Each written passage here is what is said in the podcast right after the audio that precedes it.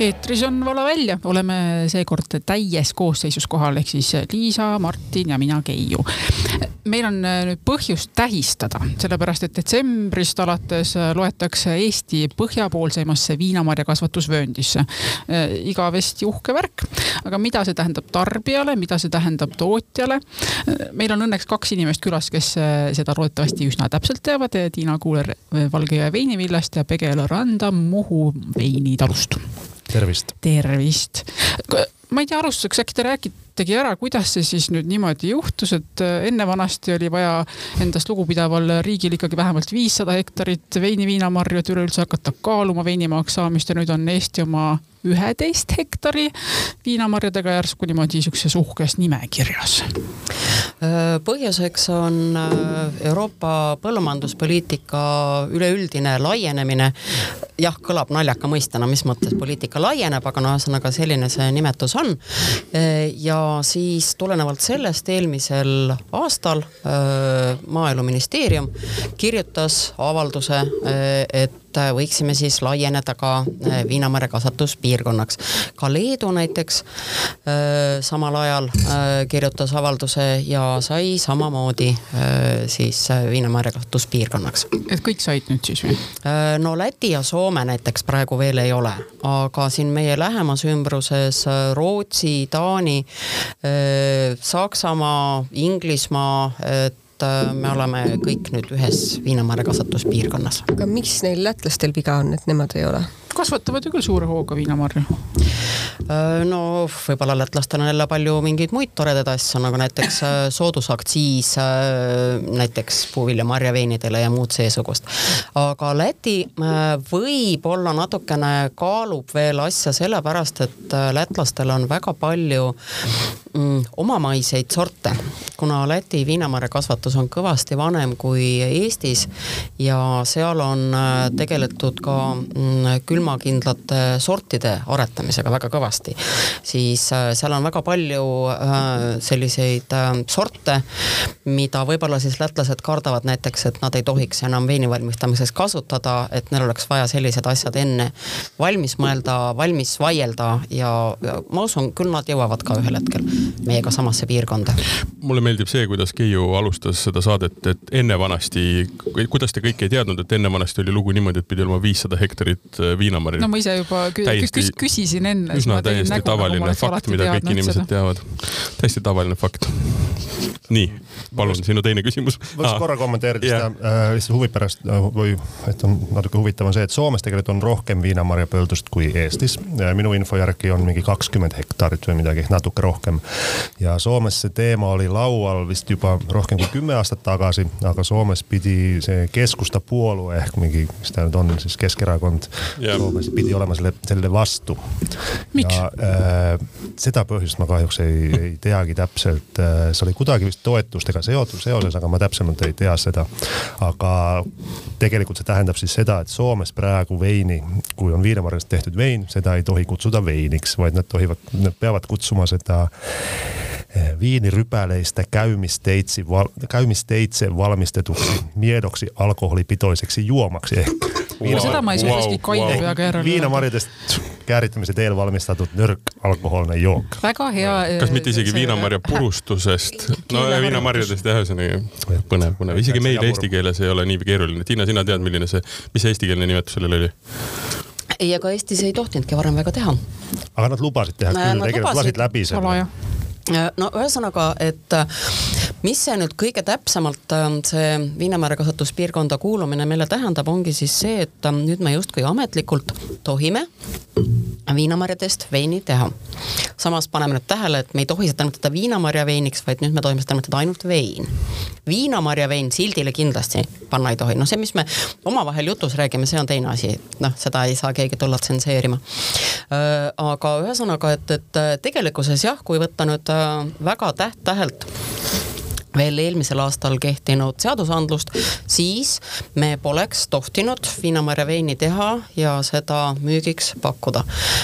Õnneks ametnikud vaatasid natukene mm, läbi sõrmede sellele ja nii on ikkagi kodumaised viinamarja veinid juba mõnda aastat Eesti turul olemas, aga nüüd me oleme justkui nagu õigemad ja seaduslikumad. kaks tuhat kuusteist vist tegime sinuga koostöös esimese Muhu veinitalu yeah. veini Valgajõe veinivillas ja Just. registreerisime selle ametlikuks, et aga aga mis nüüd teie jaoks muutub, te tõepoolest olete ju juba neid äh, viinamarjadest niimoodi vaikselt katsetanud küll üht koma teist, mis siis nüüd teistmoodi on? no üks, mis on, on, on vähemalt selles mõttes oluline, et siin Eesti ametnikud vähemalt tõlgendasid neid seadusi nõnda, et enne seda muutust ei oleks tohtinud näiteks äh, saptaliseerida ehk suhkrut noh rikastada äh, viinamarja mahla.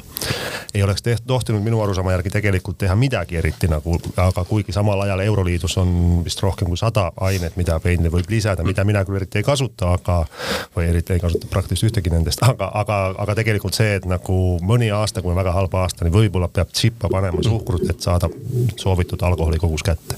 ja seda äh, ametnikude tõlgenduse järgi ei oleks varem tohtinud teha, et see on üks konkreetne näide, nüüd on jällegi need mm -hmm. regulatsioonid, et me tohime rikastada, tõsta väikses mahus alkoholi, alkoholiprotsenti või perest, perest siis magustada ka veini tegelikult hästi natukene. ma arvasin, et regulatsioonid tähendavad, et tohib asju vähem teha, aga see sinu jutus kõlab hoopis, et regulatsioonid tähendavad, et tohib asju rohkem teha. noh, vaata, kui enne ei tohtinud üldse, siis praegu kõik, mis juurde tuleb, ongi rohkem. Pole loogiline. Aga seal ma tahan selle nimetuse juurde korra tagasi tulla, ega tegelikult grape wine kui selline, ega ei kirjuta ju keegi kuskil no, peale, wine on wine. ja, nüüd, kui sul on mingi teistsugune asi, siis noh, me, me teame veini Eestis äh, nii-öelda marjaveinina. Ja vein on meie jaoks marjavein, mitte viinamarjavein.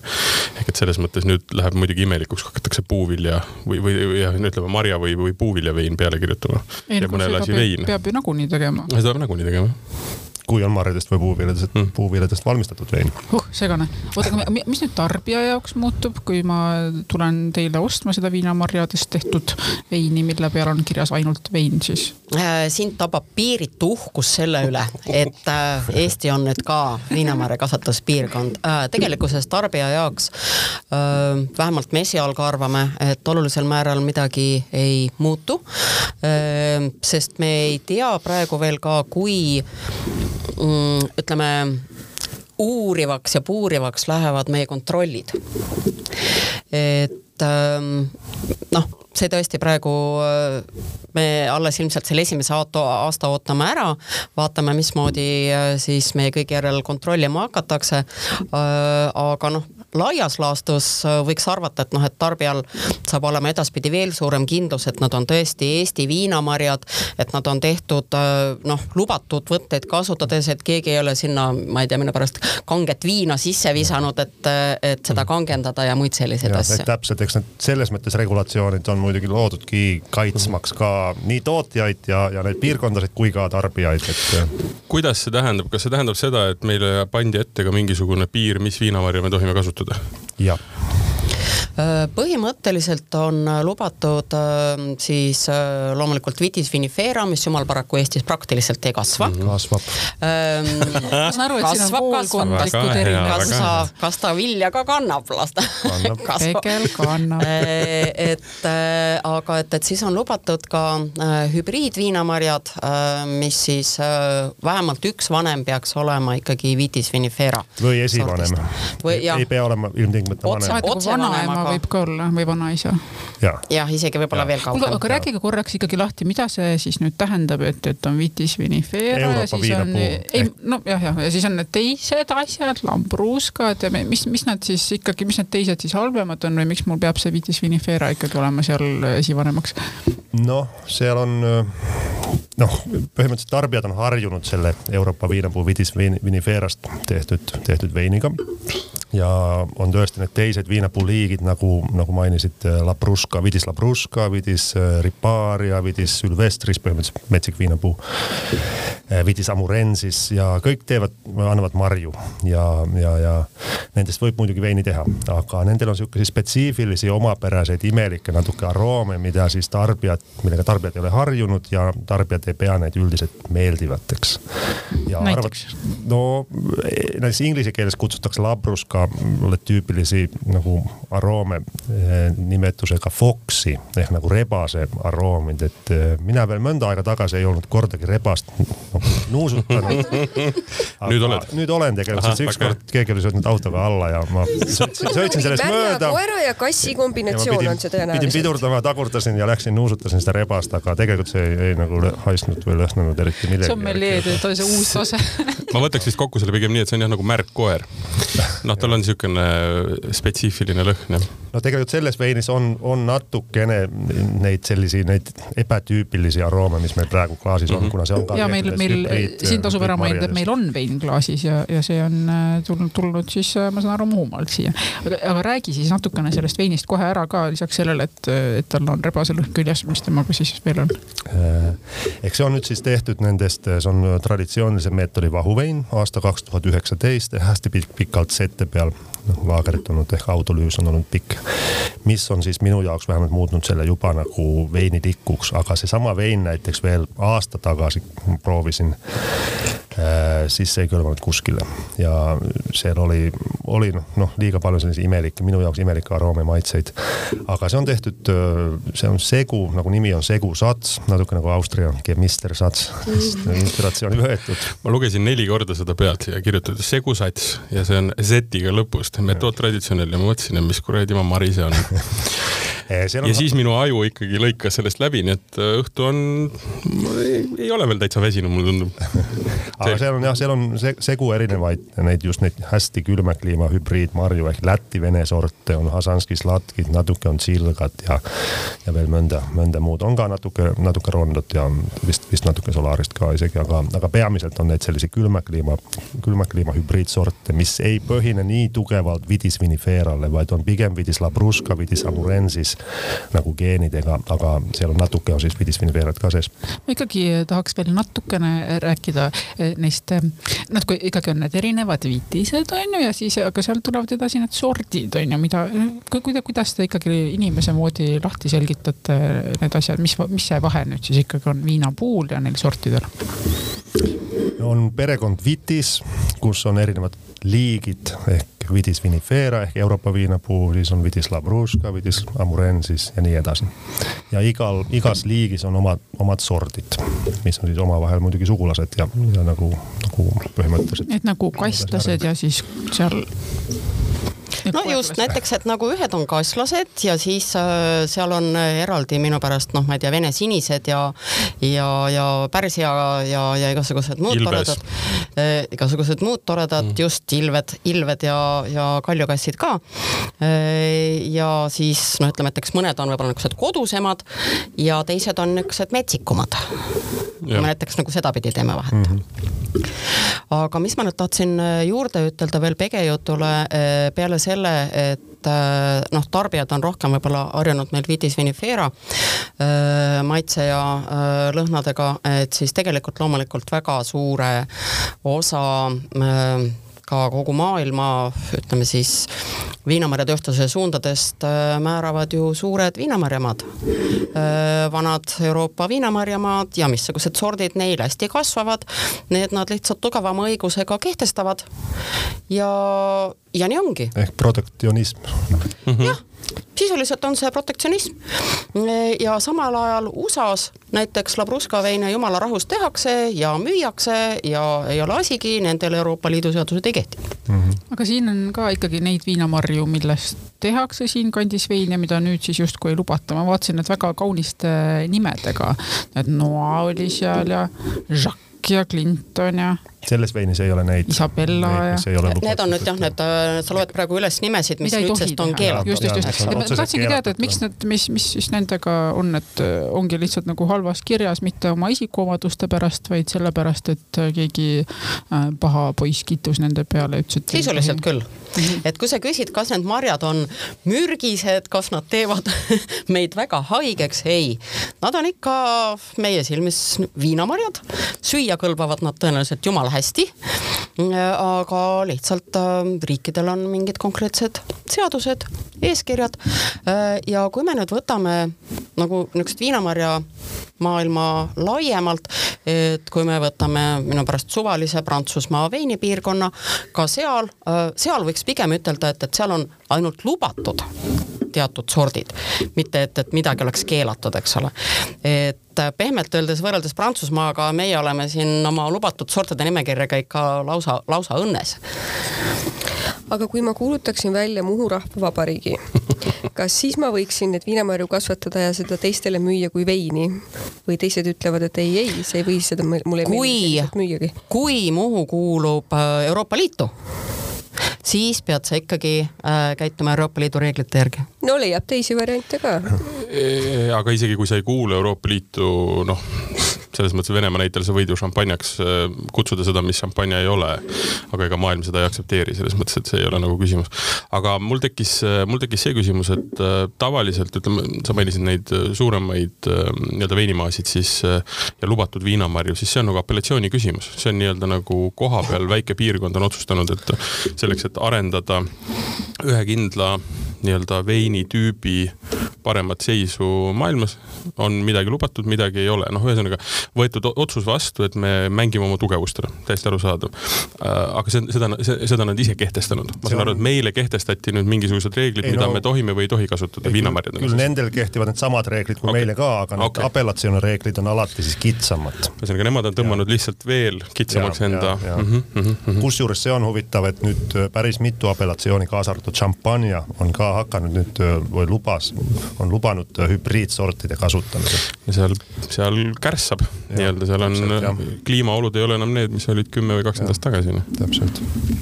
võimalik, et me jõuame ka kunagi oma apellatsiooni äh, reeglite juurde äh,. see saab tõenäoliselt olema väga raske. no ma räägin, et siin juba ta... on väga isepäised. no siin läks juba kakluseks, sina ütled, et ei kasva sul seal äh, valgel midagi, noh. ma tean, seeni on seal kõvasti, sa oled meil saatnud seal ise metsa, aga mul on selgelt vaja tundub, et... hakata apellatsiooni. no täpselt, Muhul tundub, et kasvab hästi. No.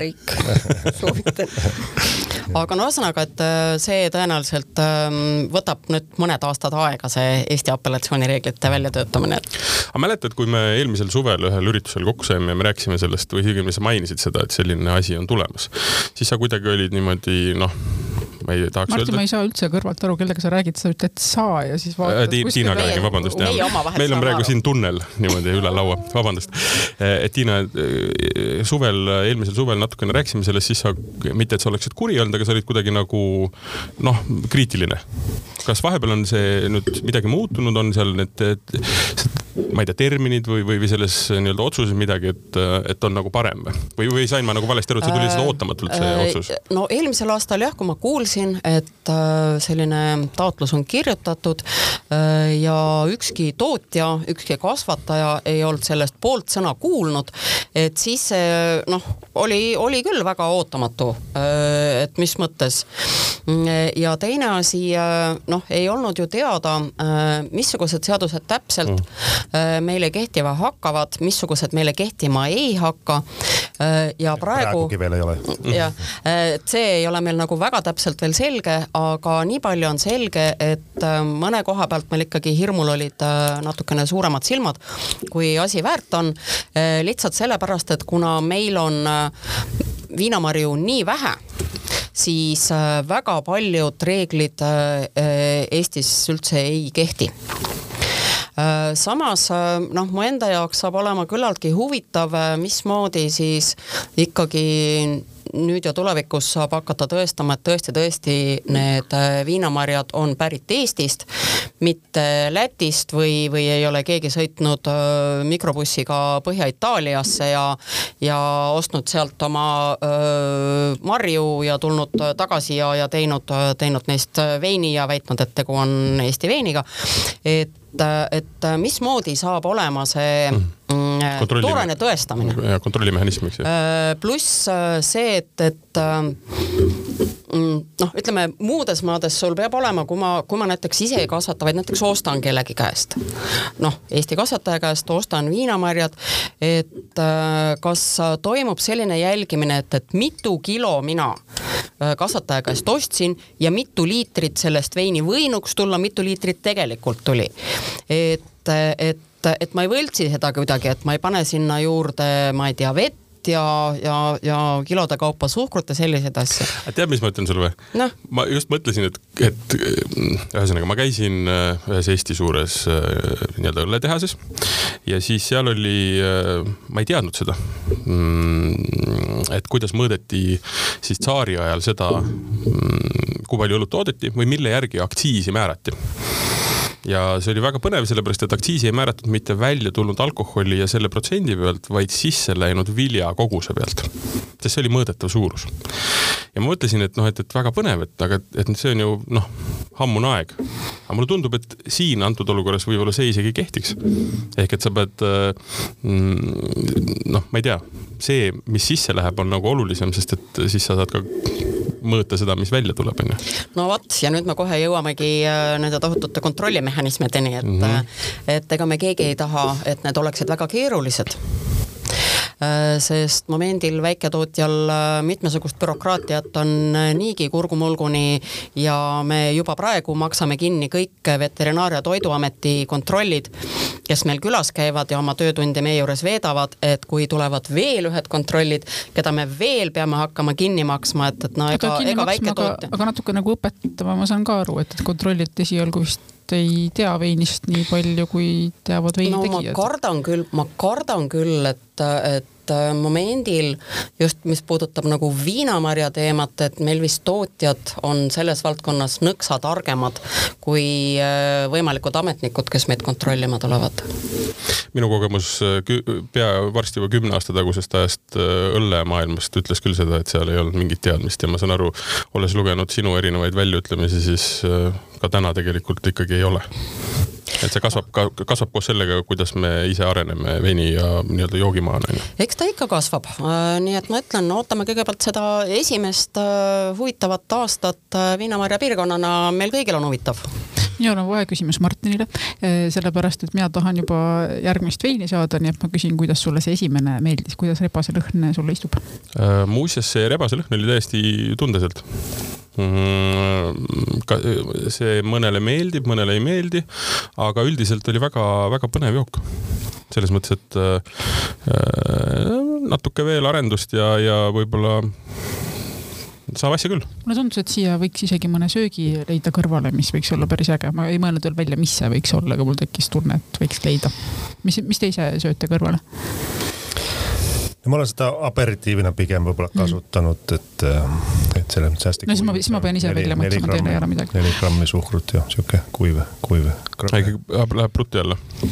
ja, või isegi natuke nagu alla jah ja,, neli ja. grammi, neli grammi, et, et ta on jah siuke veider, et esimese hooga ei, ei suudagi enda ajus nagu välja mõelda neid lõhnu, mis muidu olen kuidagi harjunud juba mingeid nimesid juurde panema, eks ju, et noh, veinikoolis ikkagi õpid muudkui, et nüüd marja kuidagi võtma, aga see äh, isikupärane kõrvallõhn kuidagi tõmbab aju korraks eemale sellest muust asjast.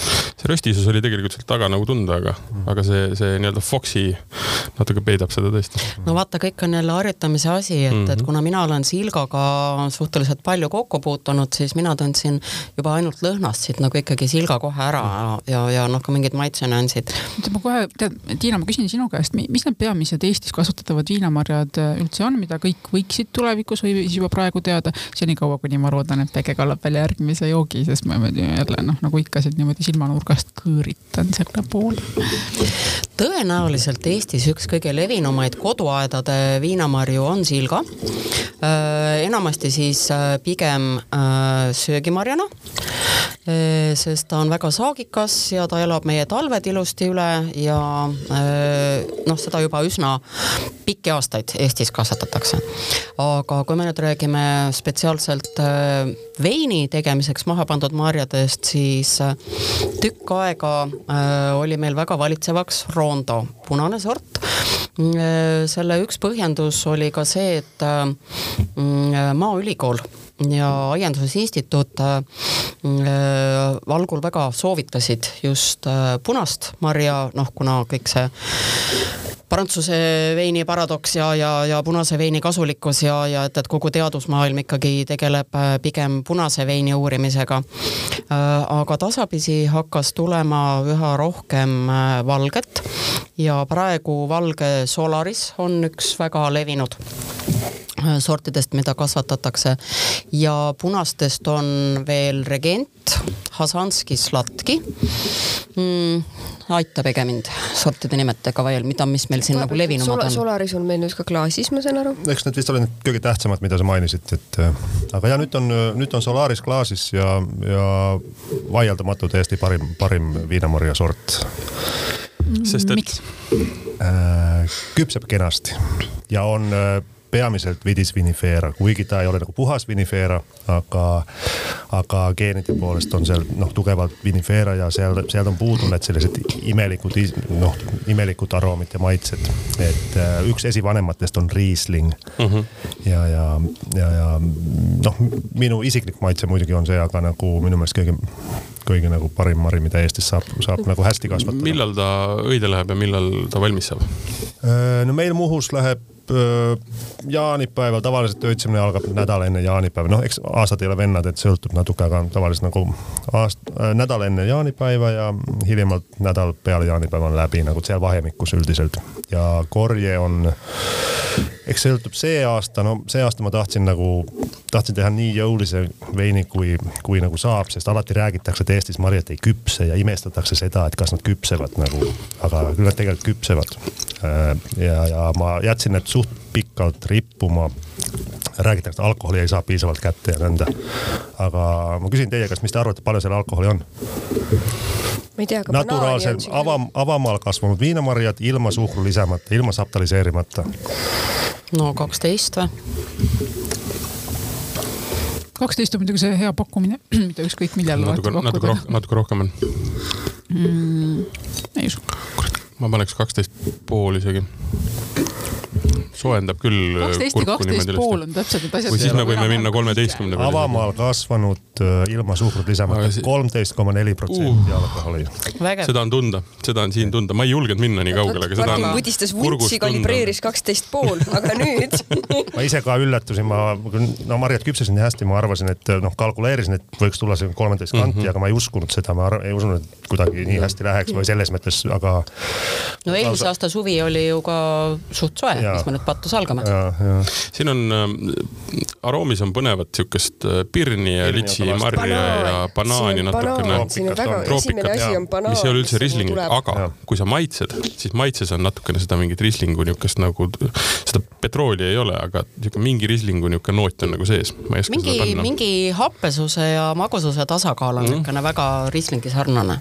kuigi magusust on kindlasti väga-väga palju vähem kui, kui rislingutel. rislinguid on ka erinevaid no,. rislinguid on ka erinevaid, aga ütleme niisugune noh, ma ei oska öelda, et halb on öelda sihuke kesktee, Riesling on ju aga eelmine... aga see on mari, mis äh, lõpuks, ma, ma tunnen, et ma ühe Eesti marja ka niimoodi vaikselt tunnen juba ära ja see, see on, see on see. Solarist kasvatatakse näiteks ka Saksamaal ja täiesti, täiesti ka Eestis äh, tuntud äh, tegija Anselmann kasvatab Solarist, nii et mina näiteks nende Solarist olen proovinud. ja ma mäletan, see oli de issand, see oli mingi kaheksa-üheksa aastat tagasi, me olime veinireisil ja siis saimegi just nimelt seal Anselmannis seda Solarist. Eestis oli vist sel hetkel ainult Jaak Eensalu korra proovinud Solarist teha ja siis me meestega maitsesime, mõtlesime, oh, oleks Eestis pooltki seda maitset. Aga kuidas ikkagi nüüd nende Vitis vinifera-de, nende Pinot Noiride ja Rieslingutega on, et ma saan aru, et te olete ikkagi nagu väga erinevatel seisukohtadel sel teemal kas saab või ei saa Eestis kasvatada? saab, aga mitte igal pool tegelikult et äh, Vitis viniferal on üldiselt on, on, on kaks asja, on esiteks ta vajab pikka suve, on pikk küpsemise aeg, et üldiselt öeldakse, et see nagu loetakse öitsemisest kuni, kuni nii-öelda täisküpsuseni ehk fenoolse küpsuseni.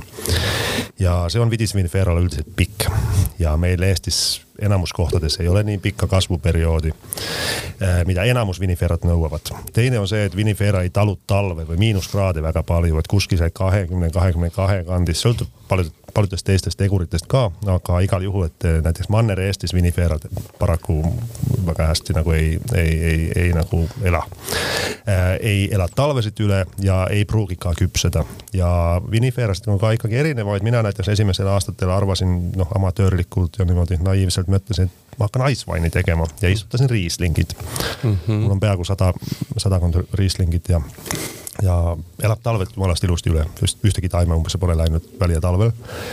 Äh, kasvab täitsa kenasti, teeb marju aga need ei joo lihtsalt küpsed, mitte kuidagi, nad on kivikõvad nagu nii täis happed nagu suhkrut, mingi enam-vähem, ma ei tea, praktiliselt mitte midagi, vist eelmine aasta ma ütlesin äkki kaheksa oli priks nagu või midagi või oh. kuus või midagi mm, -hmm, no praktiliselt mm -hmm. mitte, sest Riesling nõuab. võrdlusmomenti, mida tähendab kaheksa võrdluses millegagi äh,? näiteks see vein, et alkoholi kätte saada, no enamasti mõõdetakse briks, mis põhimõtteliselt on al mahla suhkrusisaldus ja et see kolmteist koma neli sellele veinile kätte saada, tähendab seda, et see briks, selle purustatud või mahlal oli, oli kakskümmend üks koma neli.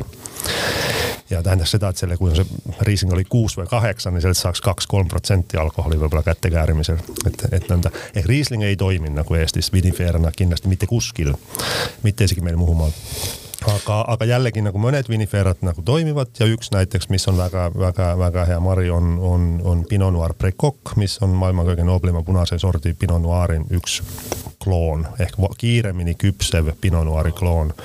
ja see toimib väga kenasti. millal see küpseb?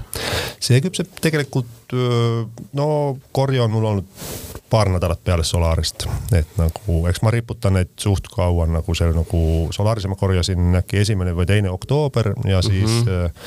siis, siis need ülejäänud oli, oli, oli, oli paar nädalat hiljem. kas neid saab kuidagi järele aidata ka? ma no, mõtlen, et kui päris, päris päikest ei ole ja päris sooja ei ole, siis mis ma saan teha? tomatisema panna kapi peale valmima. kas ma saan kuidagi aidata viinamarja? Nad ei valmi järgi no kasvuhoones saab, eks paljud Eesti kasvatajad on läinud kasvuhoone teed, teed nagu. aga et... oleme ausad, äh, see, kui sul äh, on kodukasvuhoones noh, niisugune kaks, kolm, viis taime ja sul õnnestub ja sa saadki sealt Rieslingist niimoodi, hea küll, teed, teed noh, kümme liitrit, jõle tegija onju, aga sõbrad, see ei ole tootmine. ja kui me nüüd läheme nagu tootmise mahtude juurde siis äh, selleks, et, et äh, teha omale metsikud katmikalad äh, ja sinna alla panna riisling oh, kuidas see ühel hetkel hinnas kajastub mm., oh yeah no ja eks, ja eks no üks asi on see, millest võib, ma tean, et see arvamus arvatavasti paljudele ei meeldi, aga nagu noh, kasvuhoones sa võid ju kasvatada kasvõi ananassi nagu kütad ka veel või midagi. et Mi... kas see on nagu veinindus nagu et...? vaat mina olengi olnud äh, pigem seda meelt, et mul ei ole mitte midagi selle vastu, et äh, viinamarja Eestis kasvatatakse, sellest veini tehakse. Äh, minu niisugune argumentatsioon ongi täpselt seesama olnud, et, ähm, et kas äkki ei ole mõistlikum panna see aeg ja raha ja vaev nende marjade kasutamisel ja nendest veini tegemisel, mis meil kasvab siin ikkagi vaieldamatult hästi, noh. mustsõstar ikkagi iga aasta põhimõtteliselt on võimalik saada kätte. absoluutselt saan aru, ei ole kõik aastad vennad, ei ole kõik mustsõstrad üks ja seesama, eks ju, noh, niisama, nii edasi, nii edasi. et seal tekibki seesama küsimus, et see hind mingil hetkel on selline, mille kvaliteet ja hind on selline, mis nõuaks kvaliteeti, mis, mida sealt pudelist ei saa. ja sa lähed selle rahaga nii-öelda siis äh, Prantsusmaa kallale veel, veel uhkemalt nii-öelda kuskile Hispaania või, või Itaalia kallale ja saad sealt ikka midagi väga tõsiselt head. et, et mis, minu, minu nagu probleem ongi olnud see, et, et kui me räägime sellest, et, et me teeme veini, viinamarja veini Eestis nii-öelda nagu suveniiriks või siukseks nagu, nagu ta mõtlen siis, novelty on inglise keeles, et siukseks nagu noh, ägeduseks või et lihtsalt meil on olemas, siis on nagu üks asi ja see on täiesti, täiesti normaalne, et sul pege tulevad ka Muhusse tulevad äh, sõbrad, inimesed ja tahavad ägedat veini ja nad on nõus selle nagu elamuse eest maksma, eks ju. aga ma ei ole kindel, et kas sa seda pudelit nagu Tallinnas äh, nagu kastide kaupa maha suudad müüa. noh, lihtsalt nii-öelda argipäeval. et, äh, et pika jutu lühike kokkuvõte ongi see, et kas hind ja see kvaliteet suudavad nagu mingil hetkel omavahel kokku saada ja et kas see, ja et kas selle viinamarjaga mässamine on täna ainult nii-öelda niisugune tore hobi või siis me, ja see on teine küsimus, et kas me vaatame nagu kümne-kahekümne aastale ette, kus tegelikult noh, kliimamuutuses me tegelikult muutumegi viinamarja maaks see kliima vist ei muutu jätkuvalt niimoodi leebelt. ehk et esimene küsimus, ehk et esimene küsimus, kas hind ja kvaliteet saavad kunagi kokku no, Eestis ja no teine asi see, et mis meil kliima teeb? selle veinil näiteks äh, hind ja kvaliteet on täiesti, täiesti nagu, nagu, nagu mm -hmm. lähevad kokku. oota, mis hind on? Okei okay,, noh, kallimapoolne kindlasti on, et jaehind sellele väiksele pudelile tegelikult oleks kakskümmend eurot nagu mm, -hmm. et selles mõttes kallimapoolne muidugi, et seal on seda novelty, novelty teemat loomulikult on veel praegu vähemalt ja nõnda, aga, aga noh, eks vanasõna ütleb veininduses seda, et noh, et uh, inglise keeles, et uh, to make a small fortune in wine you need to have a huge one no,, midagi, midagi sellist. et see on umbes sama nagu, et kui, kuidas saada väga kiiresti miljonäriks tuleb investeerida miljard lennundusse. midagi siukest et umbes midagi sarnast. et, et aga ega nojah, veinindus ei ole lihtne või vein, viinamarja, viinamarjade kasvatamine ja, ja nõnda ja, aga no tagasi korraks selle teema juurde, et nagu kas see tasub ära ja nõnda, eriti siis kasvuhoones kasvatamine ja, ja need investeeringud, mis seal on, et okei okay,, enamust on euro, euroliidu rahadega vist nagu ehitatud Äh, mis võib muidugi tekitada nagu mõnegi küsimuse, et kui mõistlik see siis on, on kokkuvõttes. Äh, ja siis teine on see, et minu jaoks, mul ei ole ka midagi nende vastu selles mõttes, et kvaliteeti kindlasti saame, saame tulevikus paljugi maitsta ja vartust kohe varsti, varstigi nagu mm. midagi head.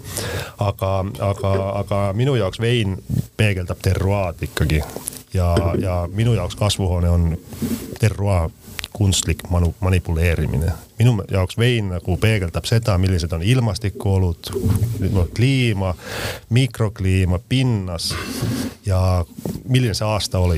oota, aga kui on nagu kehv kliima ja kehvad kohad ja kehv suusailm, siis äh, saad peegelduse kätte veini kujul ja siis rõõmustad, et vähemasti on nii hästi aru saada, et oli kehv vihmane ilm. no seda ka, et nagu see teebki veini põnevaks minu jaoks, sellepärast mulle meeldib ka nagu Euroopa veine või maailma veine nagu, nagu nautida, et ma saan sealt nagu kätte kuidagi selle, millised need tingimused seal on, kus see vein on nagu, nagu valminud. ei no aga kui on halb aasta, siis on külavein No, no, siis ja, ja. joovad sul seal Muhus naabrid ära, ma tean küll seal palju inimesi, kes väga hea meelega sul selle veini nii-öelda külaveinina käest ära joovad kui vintaaži teha ei saa, onju. kuulge, mis teie lemmik Äh, viinamarja veinid Eestis on, kui te jätate nüüd iseennast ja üleüldse üksteist välja, et noh, et siin ei mingit viisakuskõnet, aga lihtsalt.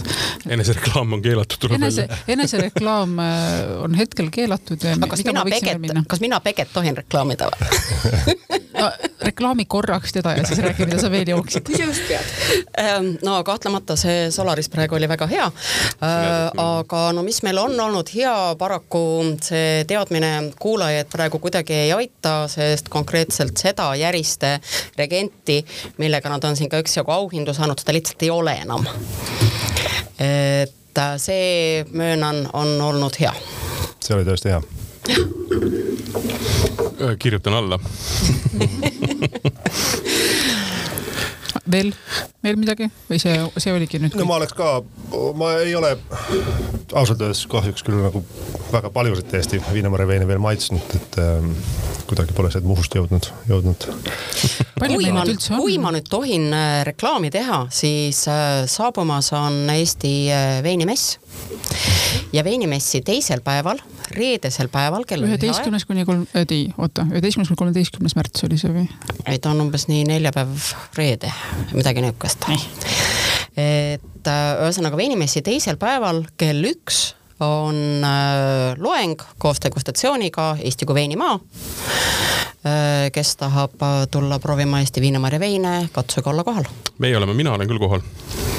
ja nii, sinu kord kiita tegelikult ma oleks ka, oleks ka tegelikult kiitnud need Järiste mm, -hmm. Järiste, Järiste veened, kindlasti, kindlasti on väga head veinid mm. -hmm. et, mhm. et, et kui ja, ja äh, Tiina Solaris äh, vist äh, kaks tuhat kakskümmend või mida ma, või kakskümmend jah? natuke teistsugune nagu see nagu stiililiselt juba eesmärk oli teha teistsugune vein mm -hmm. nagu nii, nii samas ka nagu näitab see Sola, Solaris on nagu potentsiaali minu meelest nagu väga kenasti, et et, et. ma reklaamin nüüd vahepeal õigesti kiiresti, et neid äh, tõenäoliselt ka väga toredaid eestimaiseid äh, esinejaid viinamarjade ja muude asjade näol saab näha kümnendal kuni üheteistkümnendal märtsil Tallinnas Kultuurikatlas. on äh, suuresti mõeldud oma ala ähm, ekspertidele, fännidele, aga ka täiesti tavaline, normaalne mm -hmm. veinisõber saab astuda sisse. siis mina saan ka minna. ja saad. saad, Liisa, saad mm. Teate, aga mina siia tõi, äh, sõites mõtlesin, äh, et ma tahaksin natukene teile rääkida sellest, mismoodi uuema aja Eesti viinamarja veinindus üldse algas. see oli aastal kaks tuhat üheksa, kui Otepääl Annemäe talus Jaak Eensalu korraldas esimese saagikoristuse see oli tõeliselt ähm, vägev meediasündmus ähm,, ETV Aktuaalne kaamera oli kohal äh,, Tartu stuudio oli kohal, Postimees oli kohal, no see tähendab ma ise sel hetkel kirjutasin lõpuks sellest äh, Postimehesse loo äh,. oli äh, Läti äh, neid äh, ülikooli teadlasi, kes viinamarjandusega tegelesid. ühesõnaga oli selline väga pidulik ja suur sündmus ja võib-olla ma valetan, aga, aga äkki vist sada kaheksakümmend kuus kilo saadi ja noh, see oli selline vau, sündmus Eestis. ja mm, praegu äh, siis eelmisel aastal äh, Eesti veiniteele kuuluvad veinitootjad äh, tegid kokku nii vahukat kui vaikset veini nii circa kuus tonni veini. me räägime siin viinamarjast äh,? viinamarjast, just viinamarjast praegu räägime. et äh, sellest siis kuskil äh, no isegi, isegi üle kuue tuhande oli, tegelikult lausa kuus tuhat seitsesada, kuskil kolm pool oli vahukaid ja kolm pool oli siis punaseid, valgeid segamini mm. -hmm. et et äh, kui kaks tuhat üheksa Jaak tegi esimese, siis nüüd on meil läinud kümme, mis asi, kaksteist aastat. kolmteist peaaegu jah. Äh, kaksteist, kolmteist aastat äh, ja mahud on tõusnud üsna ägedasti, eks ole. et kui me räägime siin tulevikust, et noh, ootame veel kaksteist aastat, issand ise teab, kui suur see kogus meil siis on aga ma tahtsingi sinna tegelikult üürida, et mis, mis meil nagu e-, ees nüüd ootab selles mõttes, et äh, noh, iseenesest see, et me oleme nüüd äh, nii-öelda veinimaana arvele võetud, ei tähenda ju otseselt mitte midagi. selles mõttes nüüd on küsimus see, et kuidas me selle kesta nagu täidame, eks ju, meil on mingid eeldused antud, meid on kuidagi nimetatud ühte kohta. sõpra, sõbrad on nagu suured meil seal ees ootamas, on ju. et see kindlasti noh, forsseerib ja kiirendab, aga olete te seal veiniteel ja muude teiste veinitootjatega nagu ka arutanud, et, et milline see, ütleme, viinamarja veini kasvatus ja selle tootmine nagu kümne aasta pärast võiks välja näha Eestis? mis piirkonnad näiteks tõusevad, kuhu kasvatada, kuhu kasvatama pannakse?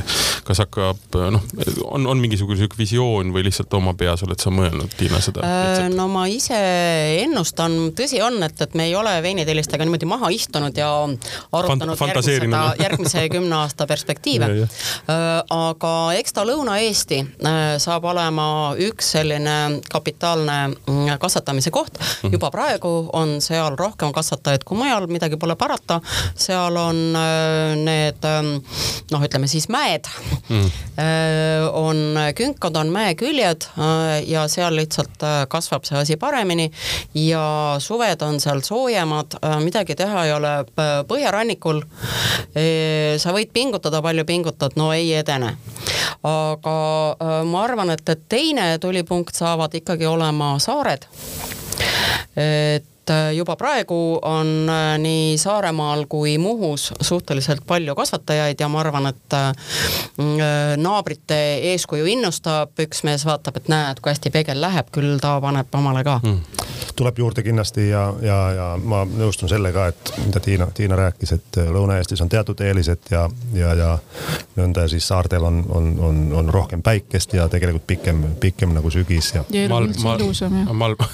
ilusam tead. teine pinnas ka. ma olen Lõuna-Eestist, ära mine sinna et see lõpeb veriselt. no et kui ta hakkab rääkima, et saartel on ilusam kui Lõuna-Eestis. see osa, ma olin nii võlutud sellest, et Lõuna-Eestis on parem, et kõige rohkem päikest veel, ma olin veel selles mõttes kinni, ma jõudsin. aga, aga, aga kas ütleme, pilt võiks olla pigem see, et kõik, kes kasvatavad, ka toodavad ise või ühesõnaga tootma, kasvatama hakatakse, et ise toota või tuleb nii-öelda ka puhtalt või läheb õitsema nii-öelda see pool, kus kasvatatakse lihtsalt. Need on juba praegu. ja müüakse natukene mm. -hmm. ja kujuta ette, on terve hulk äh, inimesi, kellele viinamarjade kasvatamine -hmm. õudselt meeldib. ja nemad satuvad hasarti sellest, et näed, kui palju oli kokku päikesetunde, näed, kui palju oli tegelikult äh, see ööpäevane keskmine õhutemperatuur, oi näe, õitsevad, oi juba muudavad värvi. aga siis, kui Mari valmis saab, äh, siis ta nagu äh, ei jaksa või ei viitsi või tal ei ole huvi äh, noh, selle mm -hmm. kõige järgnevaga äh, tegeleda. Äh, ja ma kujutan ette, et, et momendil Eestis veinid tegemise huvilisi on natukene rohkem mm -hmm. kui selliseid kasvatamise huvilisi. et need vähesed, kes ainult kasvatavad ja ise peale lihtsalt mahla midagi ei tee, nendel oma saagi realiseerimisega küll mingit probleemi ei ole, läheb lennult et äh, ma isegi äh, ju tegelikult äh, oma viinamarjade, oma, oma veini jaoks viinamarjad ostan hoopiski Mulgimaalt. Just nimelt ühe sellise kasvataja käest, kes, kellele meeldib kasvatamine. Tiina, nüüd on õige aeg rääkida, mis meil nüüd klaasis on, sest me valasime. vabandust, korra segan, vastates sellele osa, oma, omalt poolt sellele küsimusele, et, et, et eks me kõik oleme tegelikult veel kasvatajad ja veinitegijad oleme, oleme suht alguses oma tegevusega. ja ma usun, et mul on õigus, kui ma ütlen, ma kalkuleerisin lihtsalt, et kuus tuhat kaheksasada äh, liitrit või natuke üle kuue tuhande liitri üheteist hektari pealt, nüüd enam-vähem nagu klapivad need numbrid, nagu see töö, tegelikult tõenäoliselt tähendab seda sama kui meil Muhumaal, et meil kõik viinapuud ei kanna veel nii, nagu nad peaksid. et see üheteist hektari peal peaks olema selle noh, mingi, mingi rohkem kui kolmkümmend tuhat viinapuud ja et tegelikult ainult kui need kõik praegused põllud kannaksid nii, nagu nad peaksid, need viinapuud, mida siis tõenäoliselt juhtub mõne aasta pärast näiteks meil Muhus juhtub see aastas kahe-kolme aasta jooksul. nii see, see tootmine oleks juba kahekordne nagu võrreldes praeguste mm -hmm. numbritega.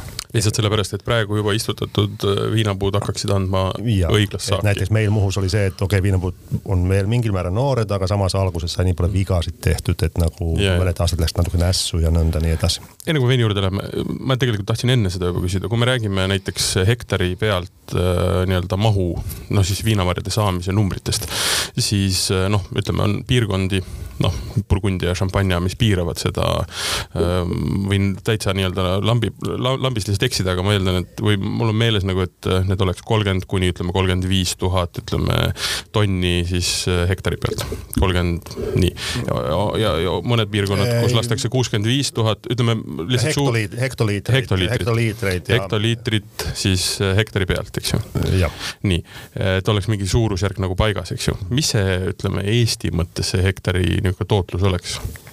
no ma olen ise seadnud endale nagu siukseks nagu eesmärgiks ja mis oleks sihuke nagu jätkusuutlik äh, eesmärk, et oleks, oleks umbes nii, et äh, keskmiselt äh, üks puu annaks sihuke poolteist kuni kaks pudelit veini osad mul praegu puud annavad juba oluliselt rohkem ka, aga osad ei anna veel kui tillu, noh, ma ei tea, desiliitri või mis iganes, et, et selles mõttes, et sihuke nagu rusikareegel veininduses on, on selline, kui tahad teha võimalikult head veini oma, oma viinapuudes, siis sihuke nagu umbes pudel per viinapuu ja kui meil Eestis nagu üldine kasvatustihedus on, on kolm tuhat kolmsada viinapuud hektari peal tähendaks seda siis, et ühe hektari pealt tuleks sihuke noh, kolm, kolm tuhat kolmsada kuni neli tuhat viissada pudelit veini, mhm. kuidagi seal, sealkandis see nagu võiks olla. Okay.. ma tean, et Ameerikas näiteks seal külma kliima osariikides nad võtavad nagu ma ei tea, kümme pudelit per nagu, per puu nagu ja samal mm -hmm. muidugi mingid mhm. Tšiilet ja sellised nagu mahupiirkonnad, aga et, et aga samas nagu selline nagu jätkusuutlik, et ja siin karmides tingimus, tingimustes nii sihuke, mina ütleks, et sihuke nagu pudel poolteist per viinapuu mm. -hmm. Okay. ehk mingi kolm tuhat kuni neli tuhat pudelit laias laastus. nii, nüüd on väga palju numbreid olnud, mina tahan veinist rääkida Tiina, sellel veinil ei ole silti peal, see on mingisugune eriskummaline vein. ja äh, ma suhteliselt meelega võtsin kaasa veini, mis ei ole praegu veel täitsa valmis. Äh, sest ähm, see just nimelt sümboliseeribki äh, seda Eesti viinamarja piirkonnaks ähm, saamist, et miskit juba nagu on ja miskit ei ole. ma ütlen ära, et ta on eelmise aasta regent just nimelt siis sealt äh, Lõuna-Eestist, Heino Sainase juurest. Äh, ja ta on praegu lõpuni käärinud. Ja mitte midagi muud ma temaga veel teinud ei ole, sulfitit tal sees ei ole ta ei ole filtreeritud, aga punane vein vajub väga ilusasti ise selgeks. nii et ta praegu juba paistab suhteliselt väga, selge. väga kaunis värv on. ja mina tahaksin küsida, et noh, kõik siin, kõik siin vähemalt juunior sommelje haridusega, eks ole, et mis nüüd selle veiniga siis edasi teha? Kas me paneme siia tamme, kui tugeva röstiga tamme? Või me ei pane siia tamme, jätame ta selliseks, nagu ta on. et, et vaata, see on noh, meil on nagu hästi palju võimalusi edasi minna. kui ma oleksin kusagil noh, tüüpi Prantsusmaal, mul oleksid apellatsioonireeglid ees, mida ma temaga ülepea teha tohin, mida ma temaga teha ei tohi. aga Eestis ähm,, seda ma olen küll rääkinud peamiselt puuvilja marjaveinide kohta, aga kõlbab väga hästi momendil ka viinamarja veinide kohta, et, et ma olen kogu aeg arvanud, et viin äh,, veinimeister võiks kuuluda loomeliitu äh,. sellepärast, et see, mida me veinidega teeme, see on nagu niivõrd puhas looming. et, et noh, ühesõnaga maaelu ja, ja põllumajandus las olla nagu on, tegelikult on see loomeliidu küsimus. nii et palun, olete kõik praegu arvatud äh, veini loomeliitu, äh, mis te arvate, mis me sellega teha võiksime? Vaata valikud põhjustavad teadupärast alati stressi. kusjuures minu meelest on ta täiesti kenasti joodav täpselt sellisena, nagu ta on ka, aga mind väga huvitaks, mida, mida sihuke tamme vanilje temaga edasi võiks teha. aga, aga mul, vaata Martin on see tootedisainer ja arendaja siin tavaliselt, kellel on alati lõputult ideid pakkuda noh, minu jaoks on siin alati vaata kaks eri, eraldi küsimust, et noh, et üks ongi seesama, et, et, et noh, mida enne Pege rääkis ka, et noh, et ikkagi tahaks ju teada, milline see eh, kõik see terroir ja nii edasi on, et noh, kui väga palju tamme juurde panna, siis saad eh, lõpuks ikkagi natukene ühe, ühe malli järgi veini, mis lihtsalt võib olla kena mall. kaks tuhat kakskümmend üks aasta ja. saak on see. just mm. -hmm. ühesõnaga, ma arvan, et eh, sa peaks laskma vähemalt sellel aastakäigul lihtsalt olla vaadata, mis tast nagu tuleb, aasta-aastalt lihtsalt testima. ei seda üldse midagi? Äh, noh, ma tean, et mulle meeldib jagada kõiki asju pooleks või veel rohkem. ehk et pool äh, mingisse pool vaati, pool, pool, pool ma sinna, sinna ma kohe jõuan, aga mul on tunne, et vaata, ta on nii noor praegu. tal on hapet, tal on seda puuvilja, aga seda kõike on niisugune nagu arusaamatult natukene.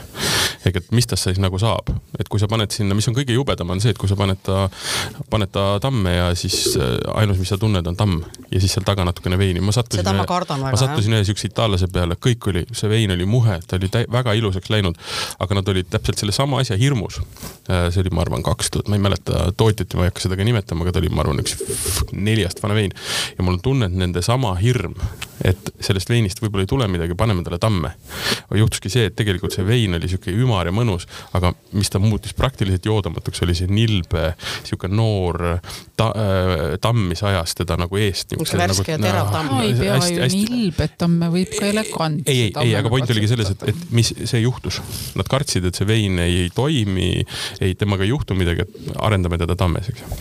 et, et mul on tunne, et, et siin tuleks võib-olla lasta tal lihtsalt olla, et vaadata, mis ta nagu teeb järgmine, ülejärgmine, üle-ülejärgmine aasta. mina pole tootedisainer, aga mina vahepeal mõtlesin lihtsalt selle veini peale. üks äh, tore asi, mis selle veiniga minu jaoks praegu seostub, on see, et ähm, noh, minu mõtted viivad mind väga sageli viimasel ajal tagasi minu vanavanemate maamajja, et noh ne,, nemad nüüd, neid enam ei ole ja, ja ka nende maamaja ei ole, aga see mälestus on ikka minuga ja veinil teadupärast on hästi palju seoseid, noh sihuke nostalgiat need lõhnad alati toovad. ja minu jaoks on siin hästi tugevalt ähm, sellist punase sõstra lõhna, ehk siis nagu kõik need äh, punase sõstra korjamised, mis mulle tol hetkel küll nii väga ei meeldinud, aga praegu annaks nii mõndagi, et neid tagasi saada. aga võib-olla kui kakskümmend protsenti panna tamme ja siis segada, et ta tõesti võib-olla natukene siukest äh, mingit vürtsi ja vaniljet annaks sinna. ja suitsu. ei, seda, seda, et ma terve tünnitäie korraga tamme paneks, seda ma, seda ma kindlasti ei tee. aga just, et nagu väga vähe, et natukene teda võib-olla aidata, aidata kaasa, aga minu arust on ta päris peen. tamme ma kindlasti ei, ei ka nagu vähemalt väga ettevaatlikult, äh, väga ettevaatlikult sellega. Ta on suhteliselt õrn ja nagu delikaatne õrn, nagu jah, selles jah. mõttes, et seal nagu, et see on kehandilt ka nagu natuke õrnake, et see, mida mina arvates teeksin, ma paneksin, teeksin ikkagi malo ära ta annaks natuke nagu kehaldit, kehaldit hapet seal nagu üleliia ei olegi nagu, aga et, et mitte selle happesuse pärast ma ei teeks malot, vaid pigem mm -hmm. suutunnetuse ja selle nagu. siidisuse saaks või selle ikka kreemisuse. komplekssemaks seda, et nüüd see on nagu üsna sihuke okay. straight forward nagu, nagu marja peal ja, ja siis see malo, malo võib-olla annaks nagu komplekssust natuke rohkem, rohkem, aga, aga kindlasti nagu mingit tammepauku või sellist sinna nagu ei, kuini hästi vähe, aga, aga aga, aga mina arvan, et, et ja aega muidugi, nagu mm -hmm. sa mhm. ütlesid, et kindlasti, kindlasti nagu. kuulge, aga, aga siis, hoiaks aga..., hoiaks kogu selle mõtte nüüd niimoodi äh, kusagil arhiivis alles ja, ja vaata, kui ma niimoodi aasta-paari pärast mm -hmm. ühel hetkel tulen selle veiniga, siis oleks hea meelde tuletada, mida me kõik äh, arvasime ja, ja. ja mis tegelikult juhtus, on ju? nüüd on see salvestatud äh, aga ma siin, mul see nii-öelda tootedisaini osa peas läks nüüd tööle tõesti jah. aga aja mull talle sisse punasele mulli. no way No way. väga trendi. Sparkling Shiraz minu arust. väga trendi praegu. vaat Martinile meeldis väga meie punaste mullide saates Sparkling Shiraz, nüüd ta ei saa enam sellest mõttest eh, lihtsalt edasi. ma olen siiamaani, ma olen siiamaani täiesti võlutud sellest. Need on kusjuures praegu nagu mm -hmm. väga trendikad nagu. Äh, tead, vaata, ma kardan, et, et äh, Eesti, Eesti viinamarja vein on praegu ise noh, niisugune nii nišikas ja kui ma lükkan ta veel nagu äh, punase sparklingu nišikasse siis ta on niisugune nišide, nišide nišš, et äh, ma kardan, et ta ei leia oma ostjat üles ühel hetkel. Vaat ma ütlen, see on selles mõttes hästi huvitav äh, niisugune noh, tegelikult on ta ju turundusprobleem, eks ju, ja mina mõtlen selle peale selliselt, et, et tegelikkuses tänane, tänaste mahtude juures ta peakski olema äh, meile ka Keiuga natukene arutasime seda ja ma ütlesin talle vist umbes niimoodi, et, et hetkel peaks olema Eesti vein selline, nii veider või äh, mitte veider kui tavaline või siis eriline, nagu ta on, ta peaks olema asi, mis müüb meid kõikide saatkondade üritustel, kõikidel nii-öelda välislähetustel, nii, nii, nii edasi, nii edasi.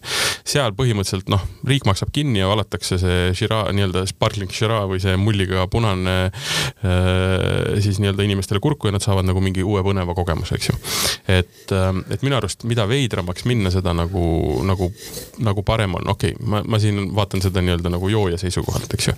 aga näiteks miks ma, miks ma seda julgen väita, on näiteks see, et, et võrreldes selle liht-, tavalise äh, nii-öelda mm, Solarisega, mis sul on, see orange wine on veel kaks keeret peale ja palju-palju põnevam okei okay,, ma võin olla vähemuses selles osas, absoluutselt, aga ma arvan, et maailmas on minusuguseid veidrikke nagu rohkem ja ma mäletan, kuidas Kei ta... otsustas istuda pärast seda, kui ta esimese lonksu orange'it sai et ma ütlengi, et, et, et kuidas, kuidas tõmmata nagu tähelepanu, ongi see, et sa võtad mingisuguse asja ja annad talle nagu esimese, teise ja kolmanda nagu lisaväärtuse, eks ju. noh, me räägime rabarberi veinist, noh, malt ja sa saad midagi tõeliselt suurepärast, eks ju. Äh, me maitsesime siin. meil on viina marjaveini saade, ma igaks juhuks. no ja, ja, ja kasemahlast äh, tehtud vahuveini, eks ju, noh, et, et sa võtad jälle asja, millel iseenesest ju maitset ei ole tegelikult on ta üks suhteliselt nagu totakas kraam, mida inimesed puust välja lasevad ja see vahusena ta oli nagu äge. ja samamoodi nagu see oranž, eks ju, et noh, et, et, et sellega see on nagu noh, sa ei, no, suudad ma, tõmmata tähelepanu. ma mingil määral nõustun sellega just ka, et nagu ega me noh, ega me päris mingit Bordeaux'd nagu nii ei saa teha mm., see ei ole Bordeaux no,, see on omapärane nagu ise, iseloomukas ja kõik nagu, et selles mõttes, et neid nagu tugevdada, need, et selles mõttes mulle nagu meeldib see mõte. Bordeaux kui... ise ei saa enam ka klassikalises mõttes Bordeaux'd teha kliima soojenemisega paraku selle võimaluse ära rikkunud. lihtsalt vastus sellele, et kui Tiina küsis, et mis sa selle veiniga, mis ma selle veiniga tegema peaksin, palun vint üle ja mitu korda. noh, aga mitte, mitte nagu rumalalt ega, ega nii-öelda lihtsalt vindi keeramise mõttes, aga. oled sa, Tiina, palju tal alkoholi umbes on? Äh, ma ei ole veel mõõtnud, et ma ütlen, ta on lihtsalt oma käärimise lõpetanud, aga ma niimoodi kõhutunde pealt ütleks, et, et hakkab kolmeteistkümnele lähenema. on nii palju või? Kurat, aga siis peidab jube hästi. võrreldes selle Solarisiga, mis sa ütlesid, oli kolmteist koma kaheksa, kolmteist koma neli, jah. siis siin on vähem kurk äh. tulitab vähem, kõvasti. kurk tulitab võimalikult. hapet on väga meeldivalt pehmed, palju, oled sa neid möödnud? Äh, tõenäoliselt ammu ma ei ma ei jätnud neid numbreid nüüd niimoodi mm. meelde praegu enne siia tulekut, et. ma, ma arvan, et selle jutuga peab nüüd minema küll edasi juba äh, väljaspool seda salvestust. kuule, see, see vein kasvab mu külge. on väga lahe. kuule, jäta, jätame ta kasvama äh,. igatahes. ühesõnaga tulevik Eesti viinamarja kasvatusel ja viinamarja veinidel on helge äh,? arvata on, selles mõttes, et ka mitte ilmaasjata ja laseme seda saadet välja ikkagi Eesti Vabariigi aastapäeva puhul hmm.. Hmm. Head kahekümne neljandat Äh, veebruari. ja, ja ka hilisemat aega, juhul kui te satute seda kuulama hiljem. Äh, ja kui te kuulate ka hiljem, siis siiski põhimõtteliselt on ikka ilus öelda head vabariigi aastapäeva absoluutselt. saade, mida te kuulasite, oli Vala välja, mina olin Martin. Keiu. Äh, meiega mõttes on ka Liisa, kes vahepeal jalga lasi. head teatrielamust talle. ja ka ta kuukas kõva lonksu seda punast veini enne seda. aitäh, Tiina Kuuler, aitäh, Pege Eloranta. aitäh teile. tehke veini edasi ja millalgi siis kohtume, kui see, mis meil pokaalis on, see punane ilus vein on saav-, sa-, no ma ei tea, mis sa temaga teed, aga kui ta on arenenud. Selge. kindlasti kohtume